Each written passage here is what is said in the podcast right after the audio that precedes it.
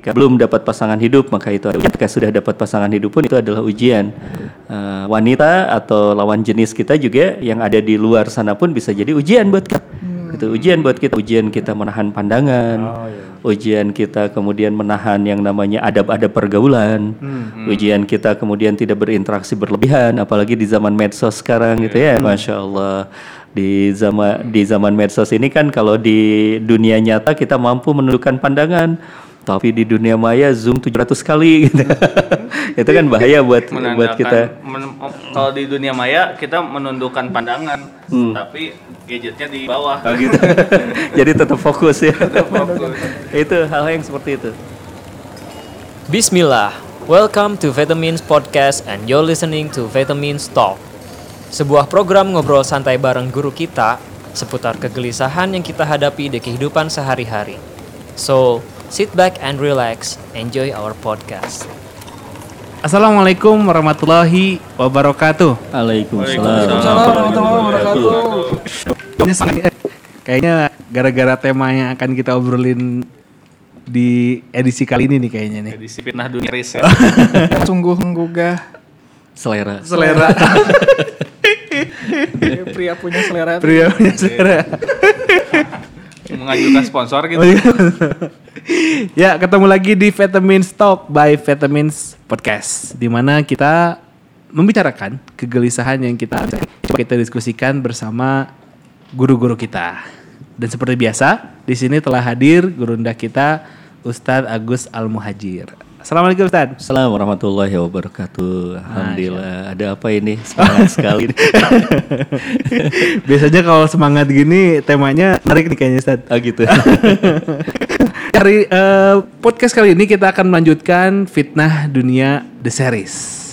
Dan series yang kali ini kita akan membicarakan sebuah itu tentang wanita setelah episode sebelumnya membahas harta dan tahta. Harta dan tahta. Kali sekarang, ini klimaksnya sekarang. Klimaksnya sekarang. Makanya ada Igor di sini. Sama sama Jeffrey, Jeffrey. Jeffrey. Sebut saja namanya Gariza.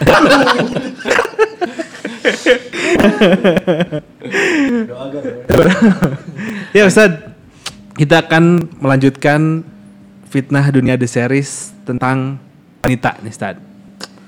Uh, tema ini agak apa ya? Sebetulnya saya agak agak sedikit ragu nih Ustaz. Kenapa tentang ragu? membicarakan tentang wanita karena uh, kalau kita ngomongin fitnah dunia kalau kita ngomongin kita uh, kalau jangan kita berdoa dengan wanita karena yang ketiganya setan terus nah, seolah-olah bahwa itu tuh harus dihindari gitu Ustaz. Harus dihindari nah, gitu. Hmm. Dan mana mungkin ya Ustaz ya? Ah, makanya kita harus bersepakat dulu apa itu fitnah ya. Eh? Kalau kita bicara tentang fitnah itu, mm-hmm. fitnah itu dalam Arab itu adalah ujian. Oh, fitnah Jadi, itu ujian, Fitnah itu ujian. Jadi kalau misalnya kita bicara tentang ujian, uh, karakter dari dunia ini kan adalah ujian. Hmm. Maka ujian itu bukan untuk dihindari, hmm. tapi harus dihadapi. Lah, berarti bukan buk fit. Kan ah, kamu fitnah. Berarti bukan ya. Itu pakai huruf P, bukan pakai huruf F. Engkau suka sama Ratna, eh fitnah fitnah. bukan bukan yang gitu ya. Bukan, bukan. bukan, bukan. Justru bisa jadi kita dari awal salah mengartikan tentang fitnah tersebut, teh? Bisa jadi seperti itu karena distorsif ya. Ada orang yang um, mereka memahami tadi fitnah itu adalah kita apa ya namanya tuh seperti sesuatu yang lebih kejam dari pembunuh. itu mah fitnah. Tapi ini udah ada di KBBI ya kalau menurut Yeah. Arti bahasa Indonesia mah fitnah tuh perkataan bohong. Perkataan kalau bohong. dalam bahasa Indonesia. Gitu Betul. Gitu, Makanya kalau misalnya kita mengambil ke dalam uh, terminologi perkataan bohong, nggak nyambung dengan yang dua dua kita bahas itu dunia apakah perkataan bohong kan bukan? Iya betul. Kemudian juga harta apakah perkataan bohong kan iya. bukan? Berarti fitnah yang dimaksudkan adalah fitnah, fitnah yang ada di terminologi bahasa Arab itu oh. dalam terminologi namanya ujian itu. Sehingga kalau kita bicara apalagi kan kita uh, itu harta wanita ini kita sedang pandang di dalam sebuah kacamata Islam ya. Mm-hmm. Dan Islam itu kali kan uh, menggunakan sumber dalam Islam itu sendiri adalah ujian. Maka yang namanya ujian mah gak, gak usah dihadapi harus dihadapi. Ah, iya fit semester nanti. Waduh ya Aduh. Aduh. Gak kalau fitnah semester berarti itu jadinya percampuran bahasa. Harus dibasapkan semua. Berarti kalau kita ngomong tentang fitnah wanita, bisa kita artikan sebagai keberadaan lawan jenis. Ustaz. lawan jenis. Jadi Keberadaan pasangan. uh, lawan jenis Oh, lawan Kita tidak hanya sekedar pasangan, ya, Oh, iya, tidak betul. harus pasangan. Uh, yang bukan pasangan kita juga statusnya lawan jenis. Oh iya benar. nah kalau kita bicara tentang hal ini, uh, sehingga uh, ujiannya itu atau fitnahnya itu bukan hanya masalah laki-laki menghadapi perempuan, tapi laki-laki pun bisa jadi fitnah buat perempuan. Kalau di dalam bahasa di dalam bahasa sejarahnya. Nabi Yusuf alaihi salam tuh pernah menjadi fitnah bagi para perempuan karena saking gantengnya itu Saking ganteng. kan dikatakan "Wah, ini mah bukan bukan manusia ini malaikat gitu. Mual kealaman gue berapa mual. Tapi bisa sih kalau misalnya kan tadi dikatakan eh, Nabi Yusuf tuh dikatakan ini mah malaikat bukan bukan, bukan apa namanya bukan Bukan manusia. Kalau ngelihat kita oh, ini malaikat maut. Beda ya. Oh ini setan. Setan. Malaikat, masya Allah. Ya jadi ujian tetap laki-laki pun ada ujian buat perempuan. Ujian. jadi jadi maksudnya bisa jadi harta tahta pria gitu maksudnya nggak cuma harta tahta wanita kan sebenarnya Iya, justru keberadaan lawan jenis itu bisa menjadi ujian buat yang buat yang lain nih. Iya. Nah ujian ini dalam bentuk apa nih San?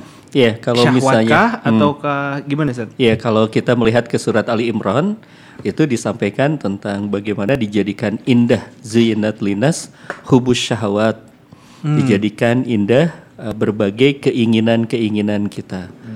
Perasaan kita dijadikan indah terhadap keinginan-keinginan di antaranya kan di sana disampaikan nisa yaitu perempuan yang kemudian juga ini bisa jadi tadi maknanya umum ya pasangan hidup atau lawan jenis itu dijadikan indah kalau kita yang normal ya.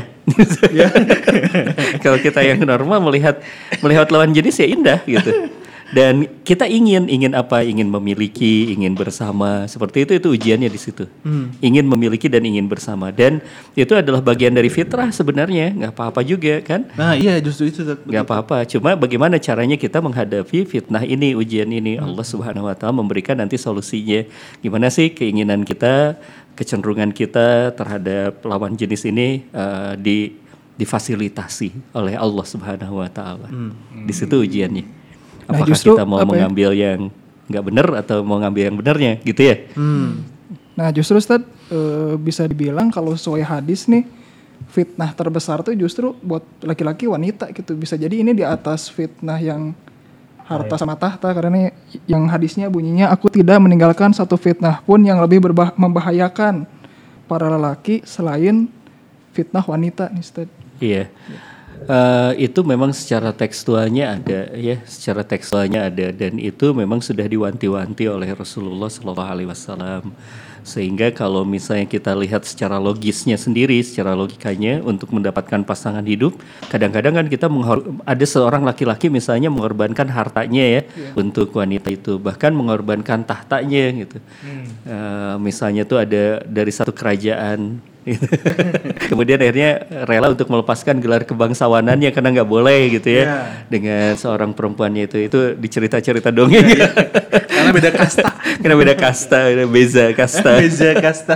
itu eh, sehingga masukal ketika Rasulullah Shallallahu Alaihi Wasallam mengingatkan bahwa fitnah yang paling besar itu adalah perempuan. gitu. Ya, bahkan ada yang apa ya?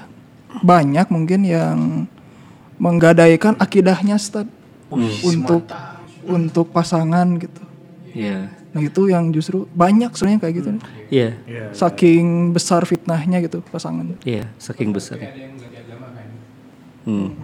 Iya, makanya di situ eh, sebuah hal yang kalau misalnya tadi kita kembalikan kepada eh, fitnah itu artinya adalah ujian. Di sana kan ujiannya kalau kepada pasangan itu ujiannya boleh dikatakan bahwa ini ujiannya ujian cinta gitu, ujian cinta. Eh, kita nih mau mau melaskan cinta Allah gara-garanya cinta kita kepada lawan jenis. Kan ini di situ ujiannya tuh luar biasa tuh. Padahal kalau misalnya dia paham bahwa eh, cintanya terhadap Allah itu tidak bisa digantikan dengan apa pun, maka dia akan memilih tadi ya, memilih mendingan dapat cintanya Allah.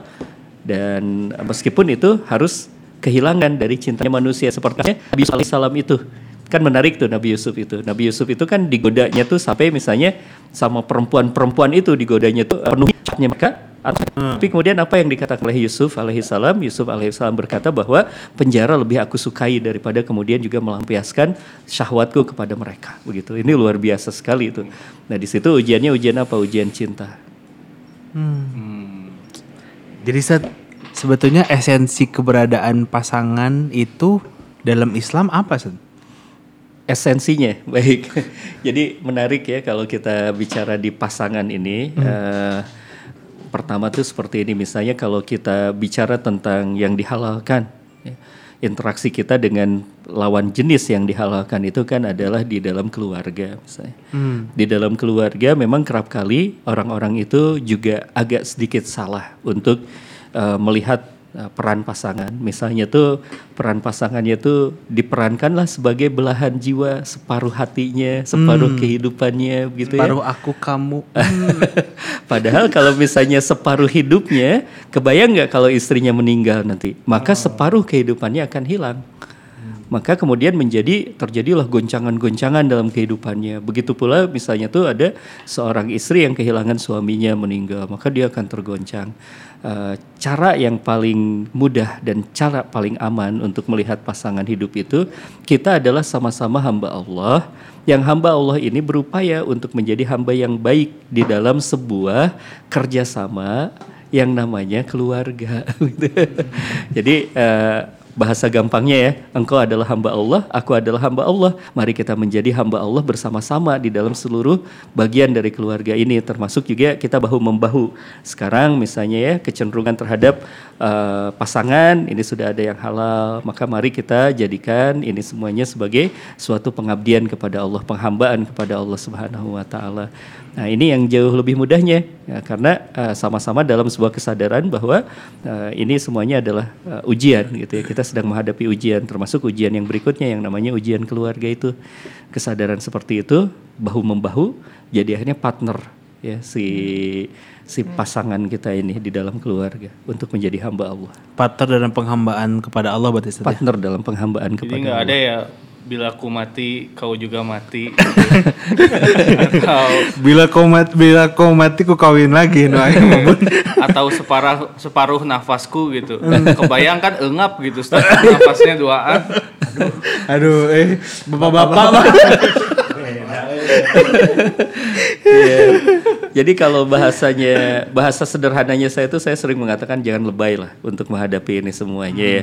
Kita semuanya adalah sedang diuji.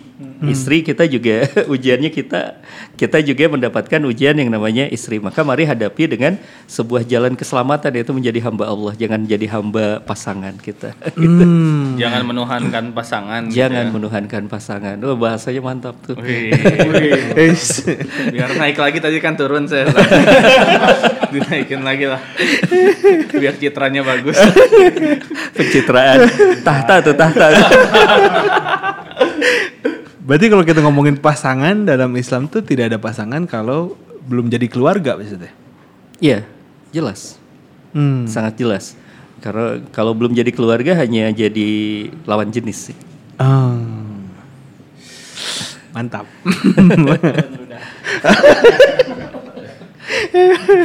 Ini dari pojok ada yang mau diutarakan nggak?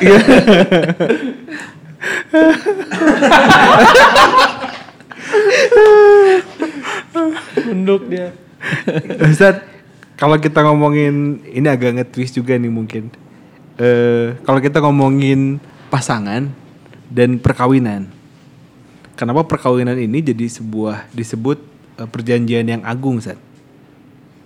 Misalkan ridho gitu ya. Iya, Kenapa, Ustaz? iya. Yang pertama adalah karena itu merubah hukum. Yang da- dulu awalnya itu lawan jenis itu hukumnya itu adalah haram.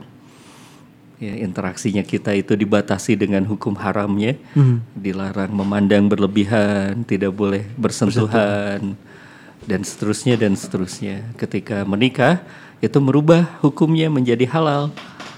Dan karena apa? Karena eh, diikatkan dalam sebuah perjanjian yang agung itu. Perubahan hukum itulah yang kemudian menjadikan ini perjanjian yang agung. Yang menjadikannya. Iya, dan sehingga kalau kita melihat ke sana ya eh, ternyata kan intinya ke Allah juga ya di situ. intinya ke Allah. Nah, Ustaz, cara menjadikan pasangan kita jadi sebuah apa wasilah untuk kedekatan sama Allah gimana Ustaz? Cara Iya. membangun supaya kita sama-sama saling mengingatkan, sama-sama tidak tidak lebay gitu Ustaz. Karena kan kita menikah banyak hal yang terjadi sehingga ra- perasaan tuh membuncah-buncah gitu Ustaz. Nah, akhirnya muncullah kedekatan yang kita tidak pernah alami sebelumnya jadi terkadang ya kedekatan secara emosional itu terjadi dengan dengan secara otomatis gitu Ustaz yang akhirnya kita jadi semakin semakin apa ya semakin ada ketergantungan kan bahasanya sekarang tuh bucin. bucin Nah, Apa bucin? budak cinta Ustaz Mempertegas. semua akan bucin pada waktunya Iya. itu gimana Ustaz Menarik. Kita kembali ke sejarah awal eh, terciptanya manusia. Oke. Yaitu ke Adam dan istrinya Adam siapa? Bu Adam Istri. yang men- Hawa ya kita kenalnya ya. Meskipun itu bukan nama. Tapi kalau itu nanti Bukan penjelasan yang lain lah. Penjelasan yang lain. Kalau Siti itu hanya orang Sunda yang bilang. Siti Hawa. Neng Hawa aja Yang menarik adalah eh, ketika Adam dan Hawa ini diciptakan oleh Allah Subhanahu wa taala, lalu perintahnya kepada Adam dan Hawa ini kata Allah Subhanahu wa taala, "Wa qulna ya Adam uskun anta wa jannah." Wahai Adam, masuklah engkau bersama dengan istrimu ke dalam surga. Jadi ada satu apa tuh misi yang kemudian juga ditanamkan oleh Allah, visi yang ditanamkan oleh Allah bahwa surga eh, bahwa yang namanya keluarga itu kendaraan menuju ke dalam surga. Ini harus menjadi sebuah visi dalam keluarga kita. Jadi bukan hanya sekedar misalnya tuh kita apa nih eh, berkeluarga nih oh biar ada yang nemenin aja gitu. Kalau yang nemenin banyak teman kita ya banyak banget sebenarnya kan. Eh, kita memang mencari sakinah secara psikologisnya kan. Litas kunu ilaiha. Insya Allah ada sakinah di sana. Tapi bukan hanya sakinah yang kita kejar itu. Tapi yang paling penting lagi adalah tadi uh, sebuah misi kita, ada ideologinya kita ya. Dan ideologinya kita ini selain tadi kita menginginkan uh, kita masuk surga, ada juga kan doa yang terus-menerus kita ucapkan di dalam kehidupan kita. Di antaranya adalah uh, tentang bagaimana kita meminta kepada Allah itu kurota ayun waj'alna lil muttaqina imama. Bagaimana kemudian kita menginginkan tuh anak-anak kita ini menjadi kurota ayun, penyejuk mata kita, tapi bukan hanya itu, yaitu menjadikan mereka pemimpin bagi orang-orang yang bertakwa. Ini on mission gitu. Keluarga kita on mission, menjadikan rumah kita ini sebagai rumah kader, rumah kaderisasi para pemimpin, rumah kaderisasi orang-orang yang bertakwa, rumah rumah bahkan ya persiapan kita semuanya masuk ke dalam surga. Nah, dari sini kemudian lurus cintanya kita lurus, kita saling mencintai karena Allah itu dimaksudkan adalah yuk mari bareng-bareng kita jadi suami yang soleh, kita jadi istri yang solehah, kita jadi anak-anak yang soleh dan soleha, biar kemudian dalam keluarga ini kita bahu membahu karena jadi orang taat sendirian mah berat ya. Teman-teman yang masih belum menikah kan ah, nggak ada yang bangunin sahur gitu ya, nggak ada, nggak ada yang bangunin sahur gitu, nggak ada yang ngingetin sholat gitu kan. Kalau udah nikah kan enak, ada yang ngingetin mas udah sholat belum? gitu. Nah itu visi yang sangat luar biasa. Ingetin makannya jadi ibadah.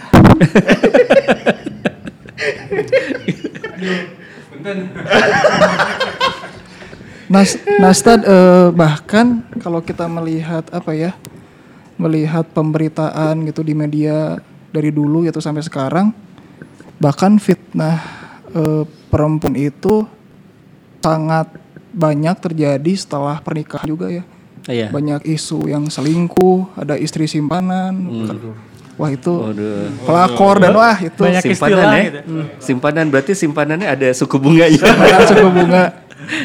Nah bahwa apa ya bisa dibilang laki-laki itu tidak tidak pernah puas gitu Ustaz, tentang hasrat kepada lawan jenis udah udah apa ya udah Walaupun punya sudah satu memiliki gitu ya. walaupun sudah memiliki tapi pengen yang lain lagi pengen yang lain lagi nah itu gimana Ustaz? Iya makanya sat- Satu hal yang perlu untuk kita ketahui tadi bahwa lawan jenis itu kan ujiannya adalah ujian cinta.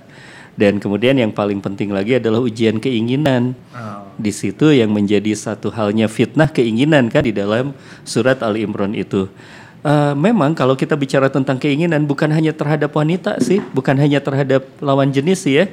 Kalau kita mengejar-ngejar keinginan, harta juga nggak ada urus, nggak ada ujungnya, nggak ada ujungnya. Kalau kita ngejar keinginan, misalnya kita ngejar keinginan kendaraan gitu, pengen punya kendaraan ini terus aja terus akan ngejar kendaraan yang baru, kendaraan yang baru lagi, rumah begitu juga sama. Sehingga perlunya kita mendidik yang namanya keinginan tersebut, mendidik keinginan tersebut. eh, makanya Allah Subhanahu Wa Taala kemudian menawarkan kepada kita menca- eh, apa memberikan kepada kita jalan yang halal. Baiklah, kalau misalnya memang ada tuh kasusnya seorang laki-laki itu tidak tidak cukup, tidak bisa ya dengan hanya satu istri, kan di dalam Islam sendiri ada yang namanya poligami. Dan poligami itu pembatasan, pembatasan. Maaf ya, poligami itu bukan kemudian menjadi membolehkan banyak, tapi pembatasan, pembatasan keinginan. Jika engkau kemudian menginginkan istrimu lebih dari satu, Allah membatasi hanya cukup sampai empat. Masna, sulasa, waruba dan itu pun ada sebuah syaratnya yaitu harus engkau bersikap adil. Kalau tidak bersikap adil, fawahidan cukup satu saja gitu. Itu yang disampaikan. Sehingga pembatasan karena kalau keinginan tidak dibatasi nantinya akan berat sekali. Keinginan tidak dibatasi itu kan berat. Dalam Islam diberikan ke- pembatasan bahwa istri yang halal itu boleh hanya empat. Dan kalaupun misalnya kita masih belum mampu, di dalam Islam juga ada yang namanya pengendalian keinginan itu bahasanya imsak kan. Kalau dalam bahasa bahasa Islamnya itu imsak. Sehingga misalnya seorang pemuda nih, seorang pemuda belum dia terbentur lah ya, masih belum bisa menikah begitu. Tapi keinginannya itu sudah ada kan? Maka apa yang harus dilakukan? Banyak-banyak saum. Banyak-banyak saum itu intinya apa? Saum itu adalah mengendalikan keinginan itu, mengendalikan syahwat itu, mengendalikan keinginan. Jadi eh, urusannya memang adalah di urusan keinginan, mendidik keinginan. Keinginan itu tanpa batas. Bahaya sekali kalau kita membiarkan begitu saja ya keinginan. Kayak sama kayak makan lah gampangnya. Kita makan ini pengennya terus makan. Untungnya Allah memberikan sebuah warning buat kita ya, sebuah alarm buat kita. Itu apa? Kenyang. Tapi kalau keinginan yang lain, rasanya nggak ada kenyangnya buat kita ya. Bahaya nih ini. Bisa kebablasan nanti menghalalkan segala cara. Hmm. Jadi metodologi, metodologi untuk mengendalikan keinginan itu melalui saum saja. Melalui saum. Dan uh, asyam atau saum itu uh, kalau dalam bahasa ulama, bahasa ilmunya adalah menahan diri, al-imsak. As-saum, asyam itu saum itu adalah menahan diri. Sehingga uh, sekaligus nih ini pun bisa menjadi sebuah pola ya untuk kita menghadapi fitnah segala macam ini yaitu dengan caranya menahan diri, mengendalikan keinginan kita. Termasuk ketika kita menghadapi eh, tadi ujian dunia, ujian harta, ujian tahta, kalau kita mampu menahan diri, menimbang-nimbang tentang manfaatnya, menimbang tentang mudorotnya, menimbang tentang maknanya, begitu ya, menimbang tentang halal dan haramnya, maka kemudian insya Allah kita akan selamat dengan yang namanya fitnah ini, ujian ini. Itulah kenapa eh, saum di bulan Ramadan itu jadi salah satu rukun Islam saja. Iya. Bahkan kalau misalnya saya melihat seluruh dimensi ibadah kita ini adalah menahan diri. Coba mari kita lihat. Saum menahan diri kita dari makan dan minum. Baik. Sekarang eh, kita misalnya ngambil salah satu ibadah yang eh, sangat krusial dalam penyucian jiwa, ya, namanya itu sholat tahajud. Sholat tahajud itu ada dimensi menahan dirinya nggak? Ada. Dimensi menahan diri dari rasa kantuk dan lelah. dan lelah. Baca Quran juga sama kan? Ya. Nah, itu eh, berarti mendidik apa tuh? Mendidik keinginan tadi itu, mendidik keinginan. Semua dimensi ibadah kita adalah mendidik keinginan. Zakat ada dimensi mendidik keinginannya enggak? Ada. Mendidik keinginan kita dari bakhil. Dari apa namanya? Kikir, foya-foya itu semua itu itu dikendalikannya dengan zakat. Ada lagi yang puncaknya tuh, yang namanya tuh zuhud. Itu ibadah hati yang paling tinggi kan. Zuhud itu bagaimana kemudian kita uh, bersikap tetap sederhana, sementara kemudian harta tuh sudah ada di genggaman kita gitu. Itu semuanya tuh masalahnya masalah pengendalian keinginan dan ibadah melatih kita ke- menuju ke sana. Yes, kalau dalam bahasanya kita apa self esteemnya bagus ya, self esteemnya bagus. Jadi pengendalian dirinya bagus. Nah seorang yang bertakwa itu kan Kalau kita bicara tentang takwa, takwa itu disebutnya sebagai hati-hati. Dan hati-hati itu apa berarti? Pengendalian diri juga kan? Pengendalian keinginan kita juga begitu ya. Orang yang sudah mengendalikan keinginannya dengan benar, hati akan Allah. Masya Allah. Boleh narik lagi nggak? Boleh, boleh, boleh. Akhirnya. Mau narik lagi, Tat. ini? Gimana Pembahasan tadi yang wanita itu, Tat. Sekarang teh posisinya saya mah bukan di keinginan, Tat, tapi kebutuhan gitu. Gimana ya? Kalau narik ke ujian di awal gitu, saya mah malah, aduh udah, dulu mah belum tahu gitu ya ilmunya teh masih balik gitu. Dulu mah di jatah empat teh nya bener empat gitu, tapi kan belum halal gitu. Itu mah masih belum ngerti, masih pacaran. Hari sekarang, hari niat mau nyari yang halal teh gitu, Tat. Aduh, hiji ge gitu.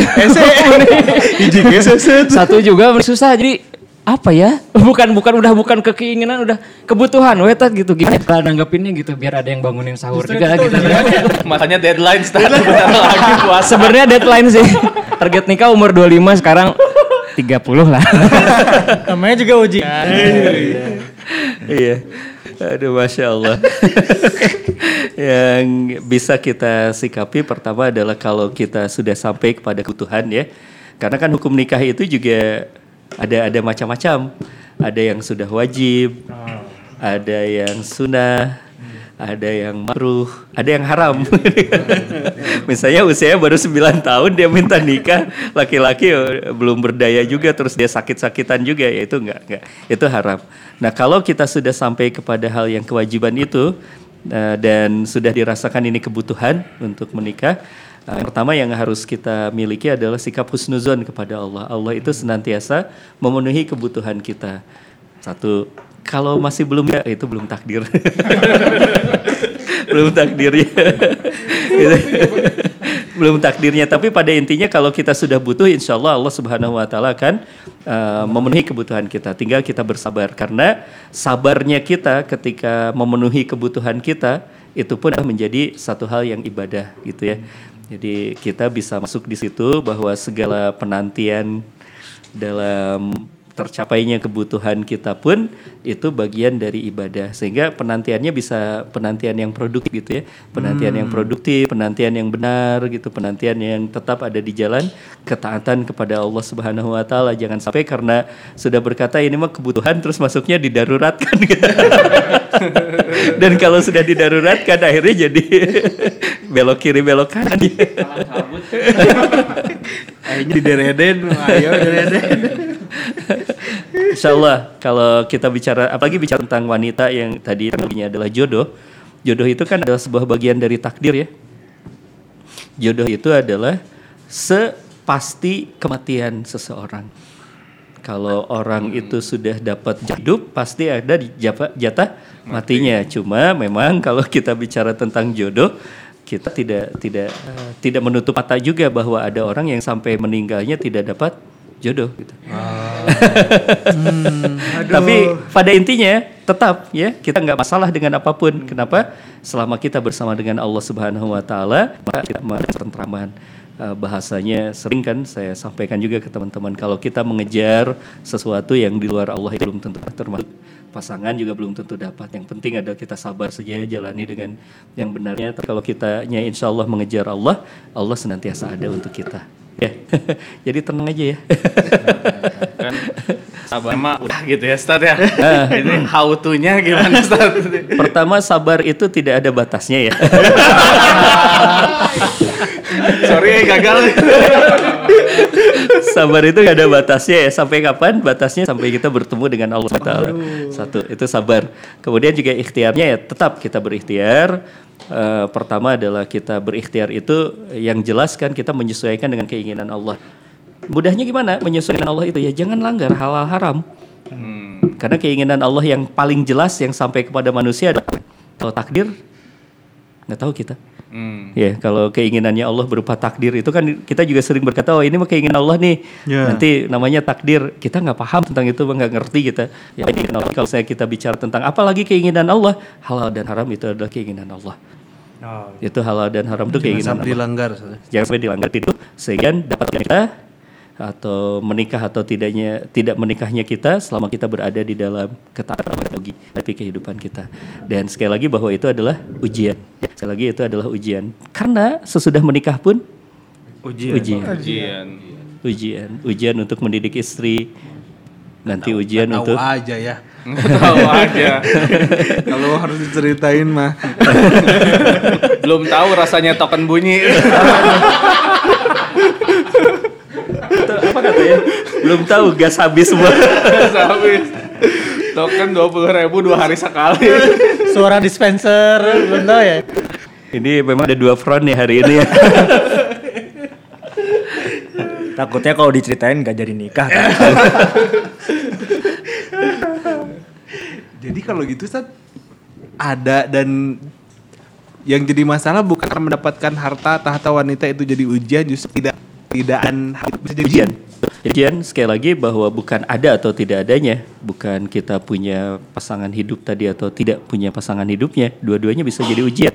Jika belum dapat pasangan hidup maka itu adalah Jika sudah dapat pasangan hidup pun itu adalah ujian.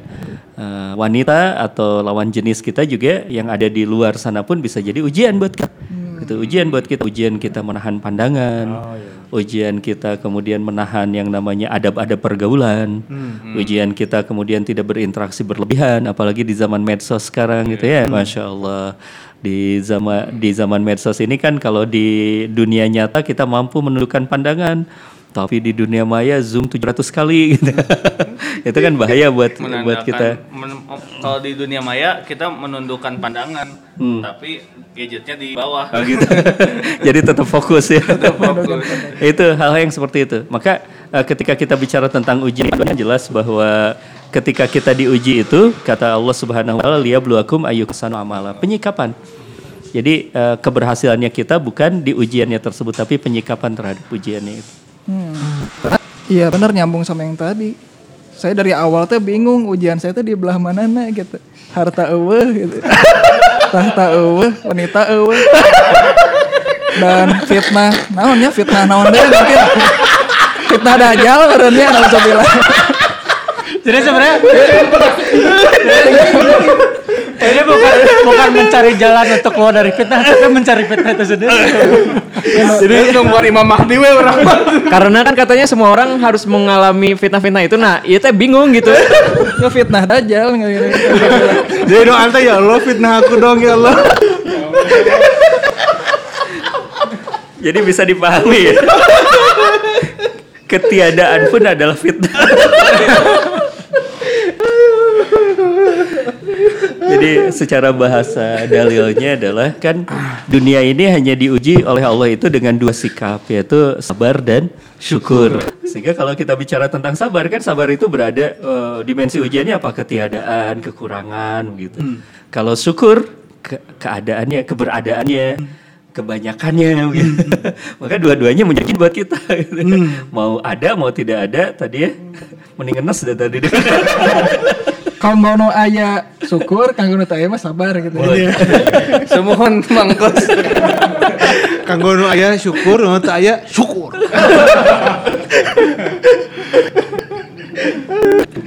Jadi akhirnya tidak ada yang tidak diuji ya. Semua diuji. Akhir masalah aja heula. Ini buat kalau misalnya kita lihat dari edisi eh, Fitnah Dunia The Series, edisi ke satu yang harta, tahta dan wanita, memang di edisi kedua dan edisi ketiga ini eh ini kayak twist gitu, twist karena eh, kesalahpahaman kita tentang eh, definisi dari kata fitnah tersebut ya Sad ya. Iya, bisa jadi itu awalnya ya. Hmm. Bahwa kalau definisinya salah, kita berupaya menghindar. Cara Padahal- penyikapan kita yang salah. Betul. Padahal dunia itu bukan untuk kita hindari, tapi untuk kita hadapi. Dengan adanya fitnah tersebut justru kita diharuskan untuk bersiap untuk Bersiap. menghadapi itu Sad ya. Dan tumbuh dengan ujian itu. Dengan fitnah itu kita tumbuh. Dengan fitnah itu kita tumbuh. Bersama dengan ujian itu kita tumbuh. Misal, tidaklah disebut orang itu zuhud kalau dia tidak diuji dengan harta. Maka saat datang ujian yang berupa harta, lalu dia tetap bisa bersikap adil terhadap dirinya, dia tetap bisa mencintai Allah dan tidak jatuh cinta pada dunia, padahal dunia ada di genggamannya, maka dia akan beranjak setingkat mendekat kepada Allah Subhanahu wa taala. Begitu pula tatkala dia diuji dengan tahta, tatkala tahtanya itu tidak membuat dia zalim, bahkan semakin dia dekat kepada Allah, maka dia akan meningkat di hadapan Allah Subhanahu wa taala. Begitu pula tatkala dia diuji dengan pasangan hidup itu, diuji dengan lawan jenis itu, tapi dia senantiasa menundukkan pandangannya, menahan dan mencari yang halal, maka pada saat itu kemudian dia akan semakin dekat dengan Allah. Kenapa? Karena dia lebih mencintai Allah daripada lebih mencintai syahwatnya. Hard times made us stronger. Masya Allah. Artinya jangan buang sampah sembarangan. Dilarang merokok, Ustaz. Nah itu tadi menarik, Ustaz. Maksudnya ketika kita sedang dilebihkan dalam masalah harta misalkan. Dan kita punya keinginan untuk memiliki sesuatu dan mampu. Tapi justru kita memilih enggak bersabar. Nah justru di sana ya. Karena misalkan kalau nggak semata boga duit. Misalkan misalkan tebaga tebaga duit. Terus pengen ya cocok itu mah sabar itu. tapi ini mah punya uang, punya uang tapi dia tuh punya kemampuan punya punya kemampuan untuk beli tapi dia tuh sabar nah itu. Betul. Di situlah zuhud itu terujinya di situ. Karena kalau kita tidak punya apa-apa, bahasannya bukan zuhud, bahasannya adalah sabar. Maksudnya kona'ah ya, merasa cukup gitu. Asa jeronya. Iya, jadi jero. Tapi jadi pada ujungnya penyikapan dari eh, ketiga fitnah dunia ini eh, harta, tahta, wanita berujung ke kesimpulan bahwa kehadiran sabar dan syukur dalam kehidupan sih ya? Iya. Karena ujian dunia ini kalau mengikuti apa yang disampaikan pernah oleh Umar bin Khattab, kata beliau, aku tidak peduli lagi dengan ujian hidup. Entah itu Allah mengujiku dengan kesenangan atau Allah mengujiku dengan kesusahan. Allah mengujiku dengan keberadaan, kebendaan atau Allah tidak mengujiku dengan itu semuanya. Selama aku bisa jalani dengan sabar dan syukur, aku tidak peduli karena dua-duanya akan mengantarkanku kepada surga. Mantap. Sebuah penutup. Udah tak bisa berkata-kata lagi. Cuma cukup bersabar. Cuma cukup bersama syukur. tapi, tapi ini mungkin pertanyaan terakhir Ustaz. Eh cara terbaik kita untuk eh menghadapi kondisi bersabar itu gimana Ustaz? Apakah kita dengan berdoa ya Allah semoga eh, ujian ini hilangkan atau gimana kadang karena kadang-kadang kan pada saat kita ngomong syukur mah eh, syukur juga yang kita kondisi kita eh, kondisi baik kita bersyukur tapi kondisi sabar yang pada saat kondisi kita terendah tapi tetap harus bertahan itu kondisi tersulit kayaknya Ustaz. Yang pertama kalau kita sabar itu eh, kita harus kembalikan kepada keimanan kita. Keimanan kita yang bahasa operasionalnya ada di dalam sebuah ayat la yukallifullahu nafsan illa wus'aha. Allah itu tidak mungkin memberikan beban kepada kita ujian kita kecuali kita mampu.